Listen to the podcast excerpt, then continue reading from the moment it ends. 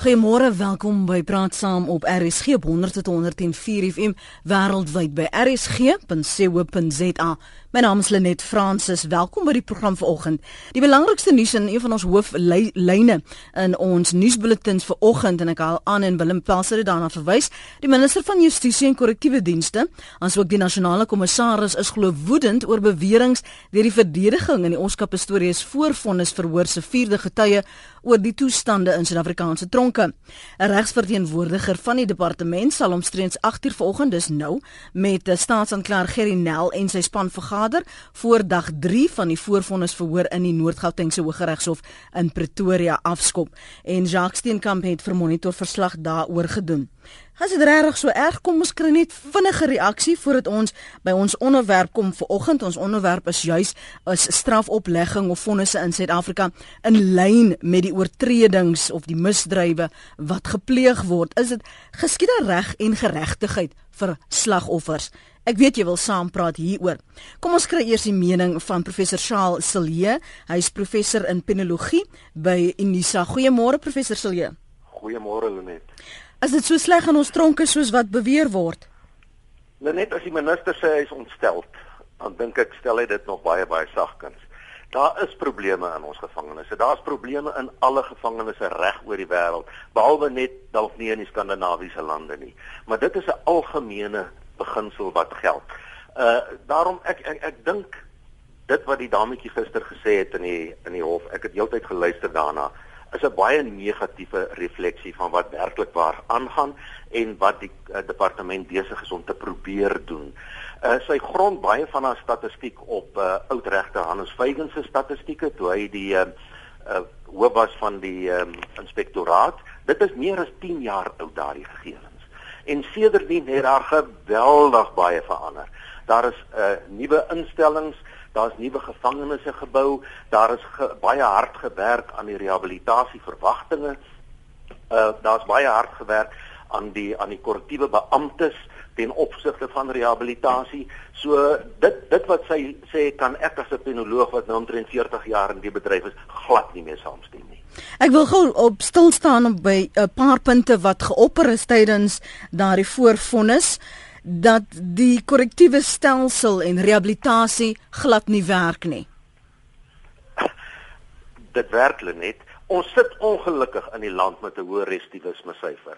Wat sy nou genoem het, soveel mense val terug in misdaad. Maar dit is nie per se net korrektiewe dienste se skuld nie. 'n Groot deel daarvan is ook die gemeenskap wat nie gereed is om die mense te ontvang en te aanvaar nie. Die mense kry nie werk nie, daarom beweeg hulle in die rigting om dalk weer misdaad te pleeg.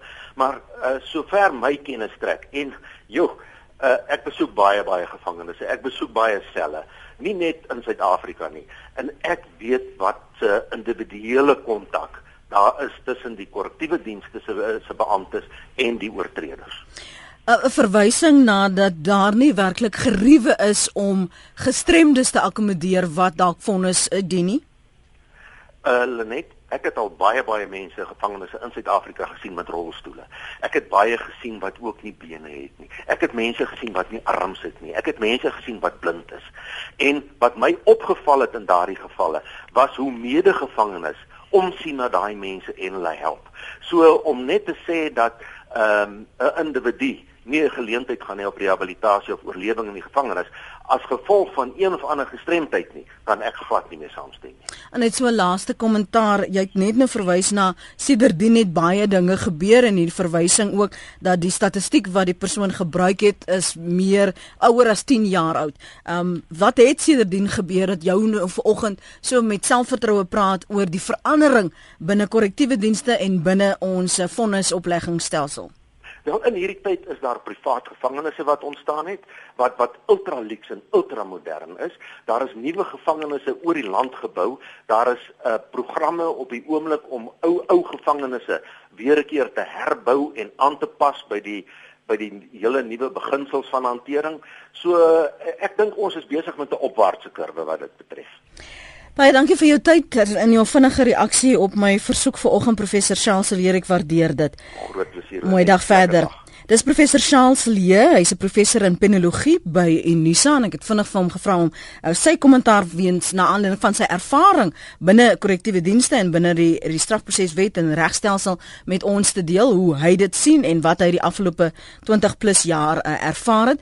Jy kan saamgesels vanoggend ons vra of ons strafoplegging, ons vonnisse in Suid-Afrika of dit in lyn is met die oortredings, die misdrywe wat gepleeg word. Voel slagoffers inderdaad reg en geregtigheid het geskied.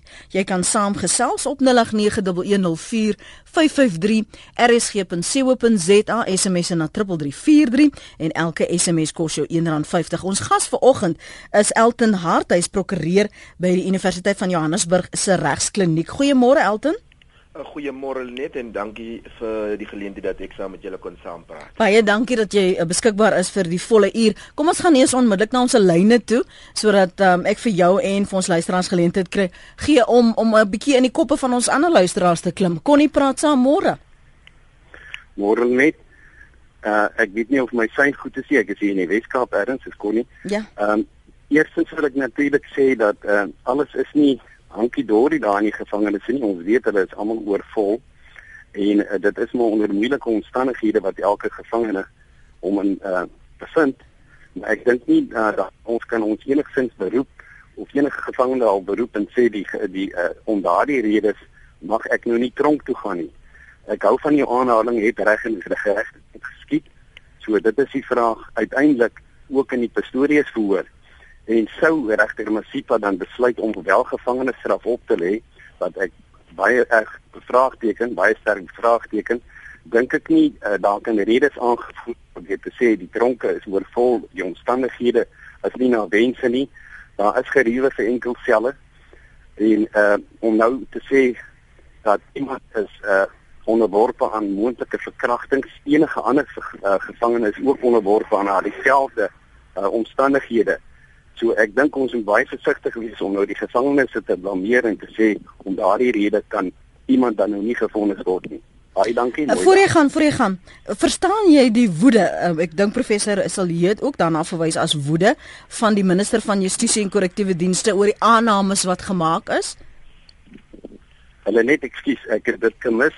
Uh, kan jy net herhaal asseblief? Verstaan jy en het jy begrip vir die woede uh, wat die minister van Justisie en Korrektiewe Dienste het na aanleiding van die uitlatings wat gemaak is? O ja, nee, net, ek ek ek dink ja, daar is baie van ons wat uh, daardie gevoel het, daardie emosies beleef. So ek dink uh, ons wag vir reg en geregtigheid.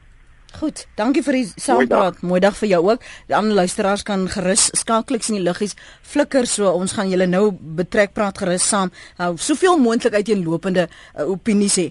Kom ons verduidelik hoe werk hierdie strafproseswet. Sodat voor ons nou begin sê dit is nie in lyn nie of ja, maar die kriminele uh, kom te maklik weg. Elton verduidelik vir ons hoe werk dit? Lenet, uh, mense nou kyk na strafoplegging, daar's verskillende opsies en gewoonlik uh, begin dit hier in die strafproseswet by artikel 27, ek dink is 274 as ek nou so on, nou net so vinnig kyk, dan begin jy soos in verskillende ehm um, vonnisopleggingsmoontlikhede te kry. En daar's nou 'n wye verskeidenheid van moontlikhede wat beskikbaar is vir 'n landros of 'n regter om vonnis op te lê mm -hmm. en dit word ge gewoonlik gebaseer op die getuies wat gelewer is tydens die voordat sy nou die vonnis oplê. So waarna moet soos 'n ehm um, versagtende omstandighede voor die hof geplaas word om te kyk soos in watter vonnis gepas is en dan die regter nou soos in van 274 af agter toe tot by 278 verskillende opsies tot op um, om ewen 'n vonnis of 'n 'n boete op te lê. Mm. So daar is verskillende opsies en ook die uh, getuies wat voor die hof geplaas word en soos wat nou in die Oscar trial gebeur is heidaglik as die probation officers officers soos wat almal nou sal weet probation die van die korrektiewe dienste voor die hof staan en getuies lewer en sê hoekom hy nie of hoekom hy 'n gepaste kandidaat is vir korrektiewe toesig. Mm. So daar's verskillende opsies wat die landros moet oorweeg, maar ook 'n mens moet ook in jou kop hou dat ons strafproseswet maak ook sekere voorsiening vir sekere minimum vonnisse en ja. sekere maksimum vonnisse. En strafbare manslag is een van hy vonnisse wat 'n maksimum vonnis van 15 jaar tronkstraf het. So die landros kan van 'n vanaf korrektiewe toesig tot op 15 jaar tronkstraf gee. So ons moenie nou die kar voor die perre span en gaan sê die landros daar moet nog 'n hele klomp water in die see loop voor 'n mens nou kan effektiewelik sê die mense ek weet dis nou 'n emosionele saak vir die groter Suid-Afrikaanse publiek maar ons moet objektief kyk na wat voor die hof is en wat se getuies. En ek dink die die die uh grootste oorweging moet wees dat hulle net sê dat Oscar is soos 'n hy's gestremd, daar is soos wat die spreker voor my gesê het, daar's baie mense met gestremdhede. Ek besoek ook self baie tronke en dan sien ek die ouens is in reistoele, hulle is met kurke en hulle kom gemaklik deur die weg. So ek sien dat die mense moet nou net dink, dis maar nog net die een gedeelte die uh, vonnisoplegging gaan nog soos 'n name nog getuies deur die staat ja. agter die verdediging ook voor die hof geplaas word. Hoekom hulle dink is dit uh, die mense moenie so baie met hulle emosies in die dink ek en hulle moet mooi gaan kyk want die landros het nog nie vonnis opgelê nie. Hmm. Maar dis hoekom ons kies tog om jou te onderbreek. Dis hoekom ons nie net stil staan by hmm. een uh, saak nie. Uh, ek gaan net nou en en ek dink mense van ons luisteraars sou ook die verwysing gehoor het na uh, van uh, Jubjub Morohane se se aanpassing waar van moord na na na nou ook korrektiewe uh, toesig ehm um, waar dit verminder is, ekskuus na appel na 6 jaar verminder is. Ek gaan nou daarby stil staan. Ek wil net twee dinge uitklaar. So, ehm um, enige regter het voorskriftelik daar is 'n minimum en maksimum uh, vonnisse en jy moet daarna kyk en jou daardeur laat lei. En wat in die hof dan nou gebeur wanneer vonnisoplegging plaasvind is dat verswaarende en versagtende versagtende verskoon my omstandighede aangebied word deur die staat of die verdediging wat dan nou ehm um, die half soos in hierdie is nou die redes hoekom ons dink jy moet minder gee as die maksimum of meer gee as wat daar uh, voorgestel word. Ons verstaan daardie aspek en is ek reg in, in daardie opsomming. Hulle net jy slaan die spyker op die kop, so jy het hom nou soos in baie mooi uiteengesit en dis hoekom hulle soos in die tipe van getuies lei nadat hy skuldig bevind is, word daar nog getuies gelei om soos in die regter te lei om by 'n uh, wat hulle sê 'n just verdict, soos in om op 'n regverdige uitspraak te kom. Maar gewoonlik is dit mos maar nou som mense dink dat die uitspraak te lig is en som dink dat dit te swaar is, maar mense moet sin fyn gaan kyk wat die regter voor voor haar gaan hê op daai stadium wanneer sy daai uitspraak moet lewer en ek hmm. dink dis sy kan net doen dit wat sy voor haar het en nie meer as dit doen nie. En dis hoekom ons swaarder leen op die ervarings van ons luisteraars want dalk 'n beter oordeel kan vel waar hulle dalk slagoffers was of in ja. hofsaake betrokke was en ons vra of reg en geregtigheid in Suid-Afrika vir ons slagoffers wel 'n plaas vind gegeewe die vonnisse in Suid-Afrika of dit in lyn is met die misdrywe wat gepleeg word 089 1104 553 praat gerus saam met Elton Hart, prokureur by die Universiteit van Johannesburg se regskliniek. Ehm um, die vrou hierso sê die tronke is hol van misdaad. Jou mens as daar uitkom is hy meer op sy hoede en onrustig en bang slaap rust, rust is rusteloos. Ehm um, dan skryf 'n ander luisteraar uh waar se tronke was nog nooit ontwerp as vakansieoorde nie. Dis 'n SMS van Brian in KwaZulu-Natal. Kom ons gaan na die lyne. Johnny hou vir ons aan. Môre Johnny praat saam.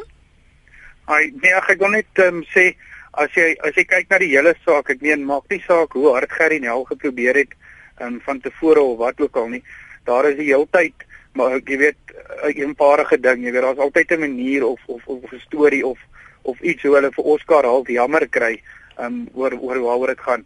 Um ek hoor wat die wat die ander uh, ou gesê het van ja van die strafbare manslag en wat gekyk moet word na maar um ou moet ook in ag neem dat strafbare manslag jy kry twee verskillende. Die een is wat jy fisies verantwoordelik is um, en dan kry jy een wat jy nie verantwoordelik is nie. Soos as jy byvoorbeeld 'n voetganger doodry, dis ook strafbare manslag, maar jy word nie verantwoordelik gehou daarvoor nie want hy het voor jou kar ingeloop. In die Oscar saak is dit hy het fisies vir Riva agter die deur dood geskiet. Het sy dit Riva was of het sy dit enigiemand anders was? So wanneer dit nou kom by die verswarende en versagtende versagtende omstandighede, ehm um, dis hoekom hulle die hele tyd daarmee op sy gebreke en die tipe van goed, want hulle kan nie fisies sê hoorie, ehm um, Oscar het in die donker gestaan en die ou per ongeluk doodgeskiet of Oscar is nie indirek verantwoordelik nie. So, ehm um, van my kant af dink ek net hulle moet kyk daarna en hulle moet besef dat hy direk verantwoordelik was. So, dis strafbare manslag met 'n direkte verantwoordelikheid. Hy die persoon agter die deur doodgeskiet. Hy het nie in 'n kar gery en 'n voetganger per ongeluk doodgery nie. So, om nou te gaan staan en sê ja, Ehm um, hy's verlam en hy gaan nie in die, in die of hy het nie bene nie. Hy gaan nie in die tronk oor die weg kom nie en hy gaan verkrag word en goed. Ek meen ek sal net so gevoel het soos die minister want as jy nou gaan staan en kyk, is net so goed jy sê vir 'n broodkampanie, ehm um, reg oor die oor die oor die wêreld op TV en goeters, hierdie plek verkoop vrot brood. Ek meen dis dis presies dieselfde. Dit gee Suid-Afrika ook 'n baie swak naam. Goed. As jy as jy kyk daarna so. Dankie Johnny, kom ons hoor wat die ander luisteraars gesê het op jou kommentaar van die SMS se lees. Lenet, ek was in die gevangenis, dis beroerd, geen warm water nie, die kos praat ek nie eers van nie, oor die dwelms wemel gangsters in die tronke, voel 'n gestremde mens sal nie kan oorleef daar nie. As jy nie self in die tronk was nie, kan jy nie saam praat nie, glo my. Skryf die luisteraar, 'n ander een sê anoniem, ek is 'n mediese beampte by DKD. Hier word in den deel beter uh, na siek mense, gestremdes en sovoorts gekyk. Hulpmiddels word baie maklik aan gevangenes voorsien aangesien dit gereken word om rehabilitasie te bevorder. Waar mense buite wag, byvoorbeeld vir 'n bril, kry 'n gevangene baie maklik een as hy kwalifiseer daarvoor. Alle sentrums is nie gestremdheid vriendelik nie, maar fasiliteite is wel beskikbaar. Medikasie en kundige dienste is beskikbaar meer as vir hulle families aan die buitekant wat by klinieke daar lank tou staan vir hulp. Chris uh, Charles Watts tweet um DCS in Suid-Kaap se inmates sit heeldag en TV kyk. Was 4 jaar TV tegnikus daar en het gesien hoe gaan dit die strafproses is useless tweet hy. Dan vra uh, sê 'n ander een Erika alles word nou weer uit verband geruk. Tronke sal verseker nie vir almal in almal se smaak val nie, veral nie in die misdadigers se nie. Nee. Dit is Erika Woes se tweet volg in tweet my gerus by Lenet Francis 1.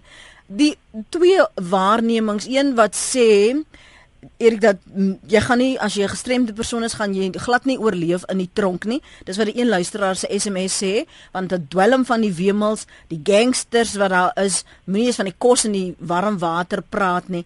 En dan 'n ander een wat 'n mediese beampte is wat sê, maar daar word omgesien na mense en nie net na na gevangenes nie, maar ook dise families. Wat sien jy wanneer jy so op besoek gaan na hierdie tronke? Elton? Ehm um, Ag, uh, jammer net, sorry, ek het nou net so 'n half geluister nog so ek so in jou gesprek hier inge ingezoom. Lenet, ek soos in daar is nou by vers, verskillende tronke. Som tronke is oorvol, som is is is, is minder vol en som is soos in die populasie in die tronke soos in baie laag. En ek dink wat die korrektiewe ehm um, stelsel moet net doen is soos in hulle iets wat hulle noem 'n draft. Ek het nou nie 'n behoorlike Afrikaanse woord nie, maar of hulle uh, wat neerkom op oorplasing. So as hulle miskien die stelsels meer uh, beter bestuur dat van die gevangenes oorgeplaas word na gevangenes waar daar minder 'n uh, eh, uh, kleiner bevolking in die gevangenes is, kan ons ook die uh, oorpopulasie van gevangenes soos in bekamp. En die probleem sit gewoonlik is omdat gevangenes ook so baie regte het, kan 'n gevangene vir die owerhede sê, "Maar ek wil in Kaapstad sit omdat my familie in Kaapstad is en hulle kan my makliker kom besoek." En baie oorweging word gegee aan hulle se regte en ek dink ehm um, korrektiewe dienste self is onder druk om soos in aan al die gevangenes se behoeftes en uh benodigdhede te voorsien en dis wat soveel druk op die korrektiewe stelsel sit en mense gaan sê dat die toestande haglik in gevangenes is. Ehm um, so mense verwag dat hulle moet soos 'n 'n 3 ster akkommodasie kry, maar jy vergeet wat is die doel van gevangenes is om te straf en te rehabiliteer en 'n mens moet dit soos in ag neem. Jy is nie daar om 'n vakansie te hou nie en ek dink soos in mense het nou verskillende opinies, maar dit wat ek gesien het in die gevangenis, ehm um, ek het al gevangenes ook gesien in in in die buiteland en soos in op in Afrika mm -hmm. wat wat ons gevangenes laat lyk soos hotels. So dit is vir my soos in as mense nou gaan sê dat ehm um, as Oscar direkte gevangenisstraf kry, hy gaan sleg af vanaf afkom dink ek dit is die geval nie. Kom ek hoor gou wat het Jan op die hart. Jan, dankie dat jy aanhou môre. Môre, môre net, moet my asseblief nie afsny nie. Ek wil mooi, ek wil vra vra van jou en jou gas asseblief moet my nie afsny. Maar maar hou Jan, jou... hou net so vas, hou net so vas. Onthou nou ook Jan, dat daar ander luisteraars is. En as ek jou toelaat om te lank te praat, raak Nee, nee, nee, gaan nie oor lank nie. Dit gaan oor persoonlike vragies. Ons gaan dit sommer kort hou. Ehm vinnig die heel eerste gaste gepraat het, die professor het gesê hy het met blinde persone gesien in die tronk, mense sonder arms, mense sonder bene, mense in reistoele. Nou as hulle dan nou daai mense kan akkommodeer, Chris Hani se se een van sy moordenaars is al feitelik heeltemal dood van kanker. Hoekom loop Shabir Sheikh en Salebi nog buite rond wat nog kan golf speel en shopping doen? As die tronke, daai ander mense wat in so sleg gereisstoel is, kan in die lewe hou. Hoekom kan Celebi en Sheikh nie ook in die lewe gehou word in die tronk nie? Dis al wat ek wil vra. 'n Mooi dag vir jou. Bye. Jan, voor jy gaan. Ja. Dink jy nou dis regverdig om van Elton Hart wat 'n prokureur by die Universiteit van Johannesburg se regskliniek is, te verwag om dit te antwoord? Ek sou sê ja. Ek sou sê ja. Ek dink dit is 'n baie goeie vraag wat ek gevra het. Jan, dankie vir die saampraat. Kom ons beweeg aan. As jy saam wil gesels, as jy welkom om dit te doen. Ehm um, veral na aantuigings wat gemaak is. Jy het gehoor wat ons ander gaste ook vanoggend gesê het. Ehm um, as jy dink dis 'n regverdige vraag, ek dink dis nie 'n regverdige vraag nie. Ehm um, daar is 'n proses, 'n pa mediese uh, parool wat ehm um, na gekyk word. Ek dink daardie prosesse moet hulle voor pa staan. Ek kan hom regtig nog nie verwag Elton Hart moet sê hoekom 'n sekere brood beter as ander brood nie terwyl hy nie 'n bakker is nie. Jy kom ek lees van die tweets, uh, Freddie Prins sê nee, daar is nie reg en geregtigheid vir slagoffers wat uh, kriminele se regte kom mos voor die slagoffers se regte. Richard Hess tweet Ehm um, Lenet hier in die in die Parel is iemand wat sê nie gebe nie gebel het om sy buurman seker maar neef nê, sy buurman dood te maak, maar hy is vrygespreek. Ehm um, weet jy van dit nie? Looks eh, tronk is nie veronderstel om 'n vakansie te wees nie. Dis waar wetoortreders gaan om verantwoording te doen. Dankie dat jy aangehou het anoniem. Maak jou punt asseblief. Goeiemôre. Uh al wat ek wil net sê is dat uh ek dink die die, die howe moet begin kyk uh, na hierdie saak want uh dit maak deure oop uh, sodat enige persoon iemand nou kan skiet binne sy huis en uh, net sê uh, sorry uh, ek het dit nie bedoel om dit te doen nie maar die inbreker of wie ook al daar gewees het skiet ek vol gate. Uh, en uh, jy kom weg daarmee. Ons het 'n geval gehad hierso uh, waar 'n persoon in 'n huis ingekom het en die persoon wakker word in die huis. Uh, het hy gesê ek skiet vir jou gaan uit my huis en hy sê man jy kan my skiet. Uh, jy gaan nie in die moeilikheid kom. Nie ek nie.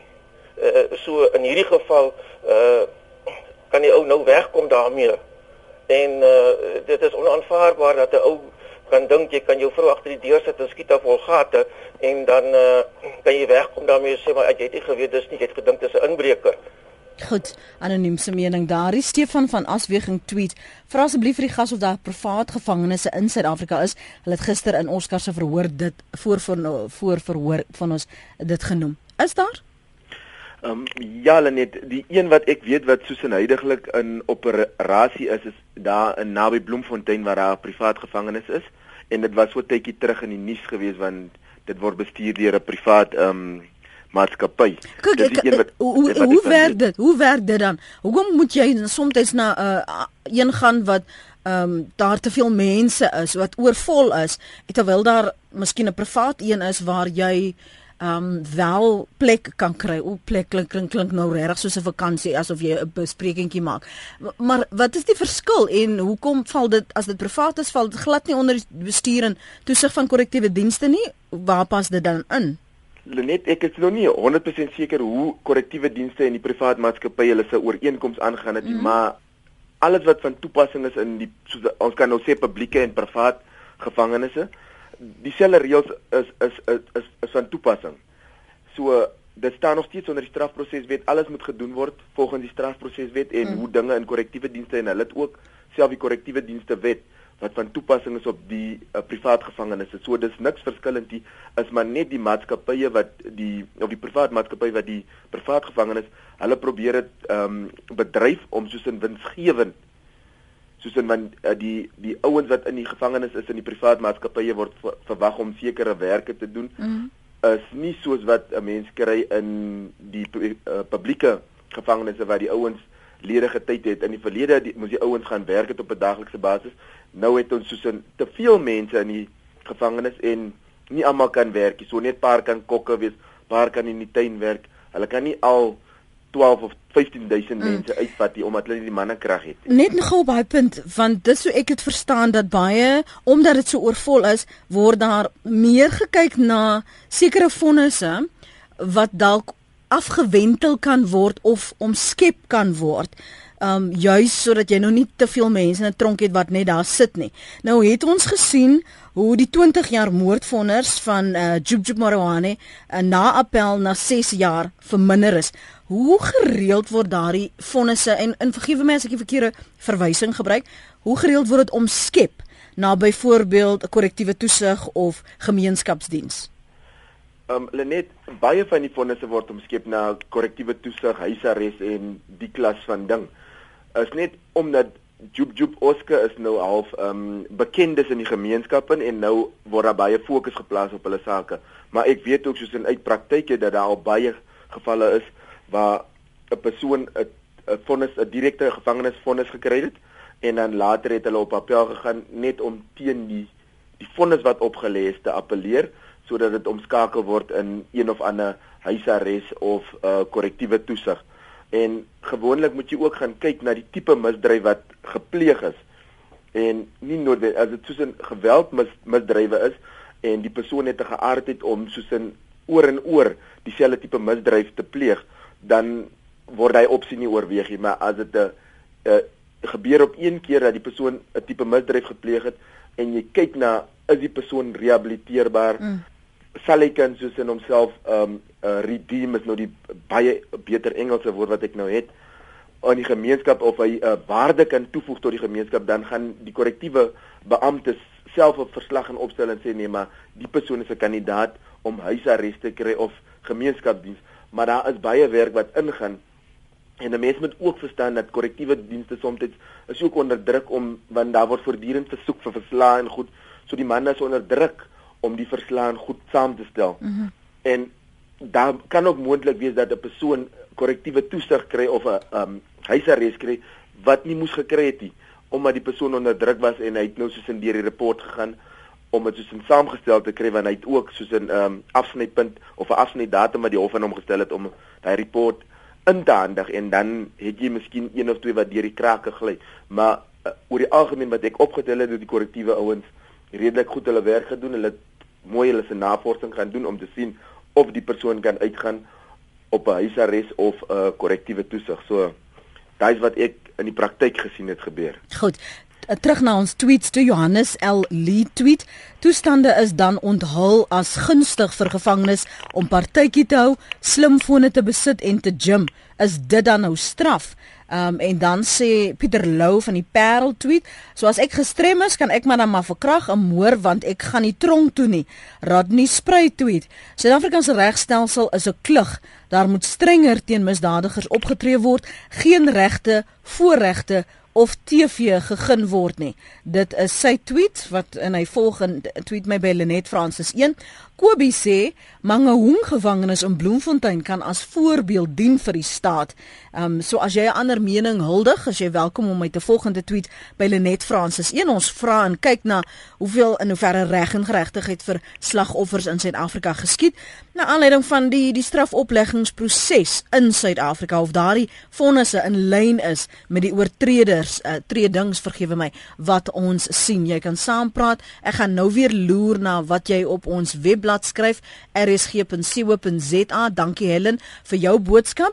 Ek sien Karen hou aan. Karen praat saam.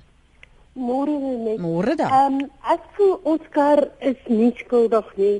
Weet jy ek word baie in die nag wakker dan staan ek op. Ek voel nie of my man langs my is nie.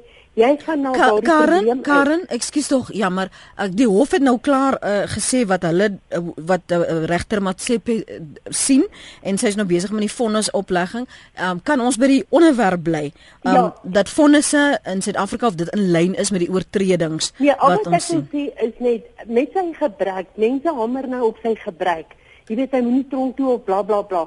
My punt is net as jy 'n gebrek het soos wat hy het, uh vir hom was dit 'n ehm um, toe dit gebeur het, het dit ek voel dit was paniek geweest. Verstaan jy? So hy het dit gedoen uit paniek uit. Hoeveel kriminele loop vandag rond wat hy moet sy ouers betaal. Al daai tipe van dinge wat ander mense nie doen nie.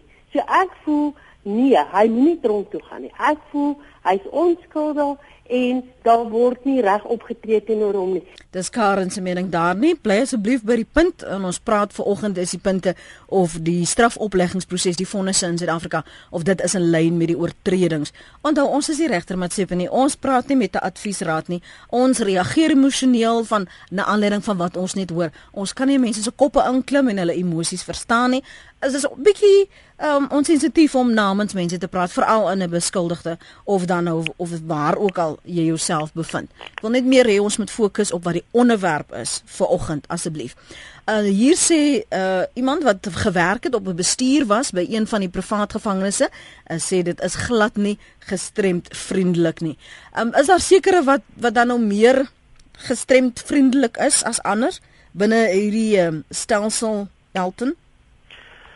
Lenet, ek kan vir jou sê ek het ehm um, ek het nou baie in, in die Weskaap ingewerk. Ek ja? het die gevangenes daar gesien en baie van die gevangenes is van so aard en so ingerig dat dit is maar twee verdiepings en dan het hulle iets wat hulle noem 'n hospitaal seksie.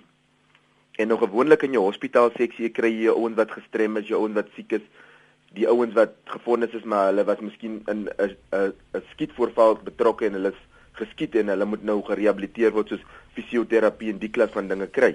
Dan word hulle gewoonlik op die eerste vloer ingestoot so hulle kan hulle rolstoele maklik gebruik, hulle kan binne in die gevangenis beweeg. So daar is by sekere gevangenes word daar soos 'n redelik voorsiening gemaak. Die ouens is op grondvloer. As jy inkom by die by die gevangenis self, as jy op grondvloer, so jy hoef nooit soos in gekonfronteer te word met 'n uh, trappe of die klas van dinge dat jy sê jy kan nie vrylik beweeg nie jy sal miskien nog meer moeilikheid hê om in jou huis in te beweeg as wat jy in som van die gevangenes beweeg. So vir my is dit so 'n mens gaan kyk na elke individu se omstandighede en die moontlike gevangenes waar hy na toe gestuur gaan word voordat jy soos kan kom en sê nee maar die gevangenes is nie geskik om die persoon se behoeftes of benodighede te voorsien nie. Mm, maar maar is daar interaksie met ander gevangenes byvoorbeeld is daar 'n 'n groter blootstelling of 'n gevaar dat jy omdat jy gestremd is dalk geboelie kan word of 'n teiken kan wees? Lenet is 'n mens nog aan kyk na Oscar se geval spesifiek. En mense praat nie gewoonlik oor dit, maar daar kom soos 'n bullying in die gevangenis voor omdat ek kom met Kaapstad uit, so daar is dit waar jy kry dat ehm um, die nommer aktiwiteite wat nou verband is aan bende aktiwiteite, jy word geforseer En as hulle nou kyk na Oske, Oske is 'n perfekte teken vir hulle mense nou amper half sê omdat hulle hulle het nog die persepsie dat hy nog 'n klomp geld het, so hulle kan hom half ehm um, boelie om te sê as jy ons die geld gaan gee nie, dan gaan ons X Y en Z doen, maar dan moet mense ook dit bysê. In elke gevangenis is daar die ding wat ek genoem het vroeër 'n hospitaalseksie. So Oske kan ook geïsoleer word van die res van die gevangenes af en in die hospitaalseksie waar hy miskien net met 9 of 10 van die ander gevangenes wat ook maar half gestrem is of 'n probleem het. So hulle is nie so fisies sterk om hom miskien te oorrompel en ek dink as Oscar sy uh, proteses aan het, dan dink ek as die ou soos 'n maklik dan kan hy gemaklik rond beweeg.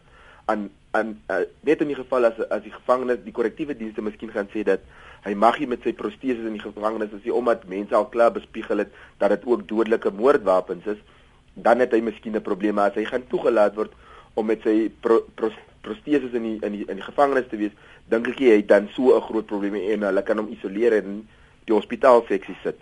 So daar is 'n moontlikheid dat hy mag geboelie word, maar daar is ook interne meganismes wat korrektiewe dienste het om hom soos in weg te hou van nie wat hulle sê die general prison population, die hmm. algemene uh, gevangene uh, populasie. Dat hy nie soos in direk met hulle gaan eet en aktiwiteite met hulle saam doen nie. Hy sal hulle miskien oor 'n 100 meter afstand sien. Goed. Kom ons hoor wat het Karel op die hart en dan lees ek Lizet en Maria se eposse. Karel, praat saam. Planet, goeiemôre. Môre. Uh dit gaan oor toepaslikheid van fondse, né? Ja. Uh, uh ek ek wil net sê Lenet, jy weet mense mense word verstom deur die geweld op die oomblik in die land en die gewellige klomp uh, inbrake en weet in die in die in die in die rooftogte by die uh, by die supermarkte en by die hipermarkte ensovoorts. Ek wil vo voorstel dat uh om die toepaslikheid van fondse te verbeter, moet daar 'n referendum gehou word en die volk moet toepaslik is dat vir hierdie tipe van van van uh, van van uh, misdrywe daar weer haas dit as haatsmisdade beskou word nie en dat die doodstraf ingestel word. So jy dink dit is ons voorland as ons nie nou iets wil omtrent dit gaan ba doen nie. Baie beslis want ek sê die afgelope week of 2 of 3 mm -hmm. is dit elke dag ek bedoel hier hier in Kaapstad se omgewing is al die bekende uh, uh, hipermarkte en supermarkte word bedreig elke dag. Die rooftogte ja, ek het gesien. Dit, dit is geweldig en ek en ek, ek, ek dink die die die die, die regering sou moet ernstig hieroor nadink want want dit dit gaan nie help om die mense tronk te stuur nie want uh, uh, daar sit hulle passief en hulle hulle hulle hulle, hulle, hulle hoef niks te doen om my lewe te bly nie en dan word hulle miskien nog kans gegee om vroeër uh, uh, ontslaan te word. Ek dink dit gaan help julle net. Ek dink hier moet drasties opgetree word en ek hoop dat die regering dit sal sien in daai lig en dat dat dan nie sal huiwer om om die om om met 'n referendum te bepaal wat sê die die deurslagbevolking in die land nie. Hmm. Dankie vir die saamgesels Karel. Dalk is daar nog ander luisteraars wat jou ook ondersteun of van jou verskil. Jy kan ons uh, saambel, eh, saampraat skies en bel op 0891104553 Lizet skryf môre Lenet. Die eerwaarde hooggeagte minister verdedig net te gou en te veel. The lady protests too much, me think, net soos die hoë eerwaarde professor Silje. Hy is 'n akademikus. Hy is nie op die grondvlak nie. Tussen hakies hy is nogal. Ons weet almal dit is chaos in die tronke. Oortreders word nie konsekwent gestraf nie. Joop Joop se saak is presies die regte voorbeeld. Die redes vir die verligting van sy en sy medebeskuldiges se vonnis is absoluut absurd. Daar is mense dood en ander het breinskade. Skrikwekkend onregverdig. Dit sê alles van ons regstelsel. Die minister is uitgevang en hy hou nie daarvan nie. Hy ontken die waarheid, skryf Lizet.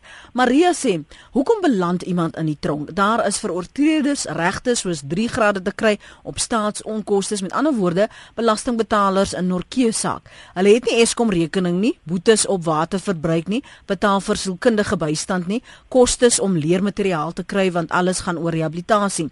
Hulle hoef nie TV lisensies te betaal nie, iemand in diens neem vir hulp of kostes aan te gaan of kos te koop of klere te was nie. So dink regtig nie hulle verdien 3 tot 5 ster behandeling. Slagoffer, watse regte is daar oor? Want daar is altyd tegniese punte wat saak swaai in oortreders se guns en dan is die persoon die persoon skies tog skielik slagoffer aanhalingstekens in steede van kriminele aksie. Twee uiteenlopende menings by rsg.co.za. Jy's welkom om uh, jou mening ook met my te deel terug na wat ons luisteraars sê rondom uh, rondom rondom die wat um, bevoordeel word. Sommige sê nee, dis luks daar in die tronk. Ander sê dit is glad nie so nie. Ek het vir jou gevra jy het in die begin van ons gesprek gesê dat die regter moet haar of hom laat lei in 'n saak deur die verswaarende of versagtende omstandighede. Hoe lees 'n mens dit nou? Want nou het jy hierdie strafproseswet wat sê hier is die minimum en die maksimum vonnisse wat ek kan gee. Maar nou luister ek na die verskillende betoë en ek moet my daardeur laat lei. Wat gaan hoe werk daardie proses? Waarna moet gekyk word? Lenet as ek nou net met daar inklim is, jy kyk maar gewoonlik na die getuies wat uh, voor die hof gesit is en ons het gesien dat die staat nou van gister af was hulle besig met um, om om getuies voor die hof te sit waarom Oscar sekere waarom Oscar kwalifiseer vir korrektiewe toesig. En daar is 'n hele verskeidenheid van verslae wat moet ingedien word by die hof en dan ook moet die hof gaan kyk na die aard van die misdaad wat gepleeg is en in die geval is dit nou soos 'n strafbare manslag. Mm -hmm. En gaan kyk die omstandighede waaronder dit gepleeg is. Alhoewel die die die die die die, die regter klaar uitspraak gelewer het, gaan sy nog steeds terug gaan kyk en gaan kyk onder watter omstandighede was die misdrijf gepleeg en of daar 'n moontlikheid is dat die oortreder dieselfde misdrijf sal pleeg in die nabye toekoms en dan gaan kyk hulle ook na die oortreder se persoonlike omstandighede. En wat die ek dink is 'n dokter Hatzenberg wat ook getuig het wat wat om um emosionele terapie en goed gegee het gister wat sy gesê het nee maar sy verdien vermoë en al die klas van dinge is aangetas hy's ook 'n bietjie gebreek die die regter gaan kyk na dit maar mens die regter gaan nie dit soos net um so in blokke gaan kyk Mhm. soos mm -hmm. die goed isoleer nie. Die regter moet nou amper alles hy goed in 'n pot gooi en 'n mengelmoes vat van hy goed en uh, besluit daarop baseer. Hoe kan op daai punt Michael Kozeen skryf want dit sluit aan by dit wat jy nou sê 'n mengelmoes van uh van vonnisse. Samelopende vonnisse as iemand 3 misdade pleeg, verkrag en vermoor en dit met 'n ongelisensieerde vuurwapen, dan moet hy 3 vonnisse uitdien. Een Yes. na die ander, nie terselfdertyd nie, sê Michael. Uh as 'n mens wie my en ek ek, ek ek verstaan wat Michael se punt is want hy voel as drie verskillende misdrywe. En as 'n persoon for instance as hy aangekla word van moord, hy word skuldig bevind aan moord en hulle gee hom life imprisonment. So dit beteken hy moet ten minste 25 jaar in hy tronk sit voor hy enigsins in aanmerking kom vir parol. Dit beteken dan hy en gewoonlik is die ouens so lank in die tronk sit uit my persoonlike ervaring het weet ek hulle hulle raak wat hulle noem in die gevangenis repeat offenders wanneer hulle ehm um, pleeg weer misdade Mm. mm. terwyl hulle in die gevangenis dat hulle miskien 'n een gevangene beseer of beklei. Hulle is gewoonte misdadigers. Ja, dan raak jy gewoonte misdadiger en dan word hulle vonnis maar jy kry ook die ander kant hmm. wat die persoon regtig soos in rehabiliteer. En dit is vir die persoon wat die owerhede sien wat rehabiliteerbaar is en hom regtig so instel dat hy agter sy 25 jaar wil hy regtig terugkom na die gemeenskap toe want baie van die ouens wat ehm um, lewenslang tronkstraf kry is gewoonlik oudjies wat 19, 20 jaar oud is, so hy kan nog op 45 jaar uitkom en miskien nog die agterste gedeelte van sy lewe lei. En dis vir daai manne wat hulle soos in gaan kyk mm -hmm. om miskien 'n samelopende vonnis, maar as 'n mens kan sien dat uit die persoon se geaardheid het dat hy 'n gewoonte misdadiger is en hy's 'n hy gaan soos in weer misdade ple- pleeg en pleeg en pleeg en pleeg, dan kan jy hom net gewoonlik deur laat loop, maar die strafproseswet is so geskryf dat en die howe in meer geleenthede gee hulle samelopende vonnisse. Ja. Ek het maar eh, raar raar het ek gesien dat hulle die vonnis sê jy moet 212 jaar uitdien en dan doen jy volgende 10 jaar. Ja, ek dink Larry Joe is 'n goeie voorbeeld daarvan dat 'n mens wel jou lewe kan omkeer en en 'n uh, beter lewe vir jouself skep. Virkie Venter sê daar's ook 'n privaat gevangenis in Louis Trigard, die vis, dis fasiliteite wat namens DKD bestuur word. Anton Stein tweet baie van die negatiewe menings word juis veroorsaak deur mediaberigte, korrupsie, wapens in en gangstergroepe in die tronke. En dan sê Julia, jammer om te sê, maar Suid-Afrika se strafproseswet is pateties. As mens maar net kyk na die hofsaake wat in die nuus was die afgelope paar jaar, word vonnisoplegging bepaal deur wie jy is, wie jou vriende of jou kamerads is en hoeveel geld jy het. Die slagoffers van misdaad word nie geldelik vergoed of se lewe word makliker gemaak nie. Hulle moet maar self deur die trauma sukkel. Hulle is ontneem van hulle menseregte terwyl die misdadiger se menseregte opgehemel word en alles moet vir hom of haar so gerieflik moontlik gemaak word. Is dit nou 'n straf? Vra Julia.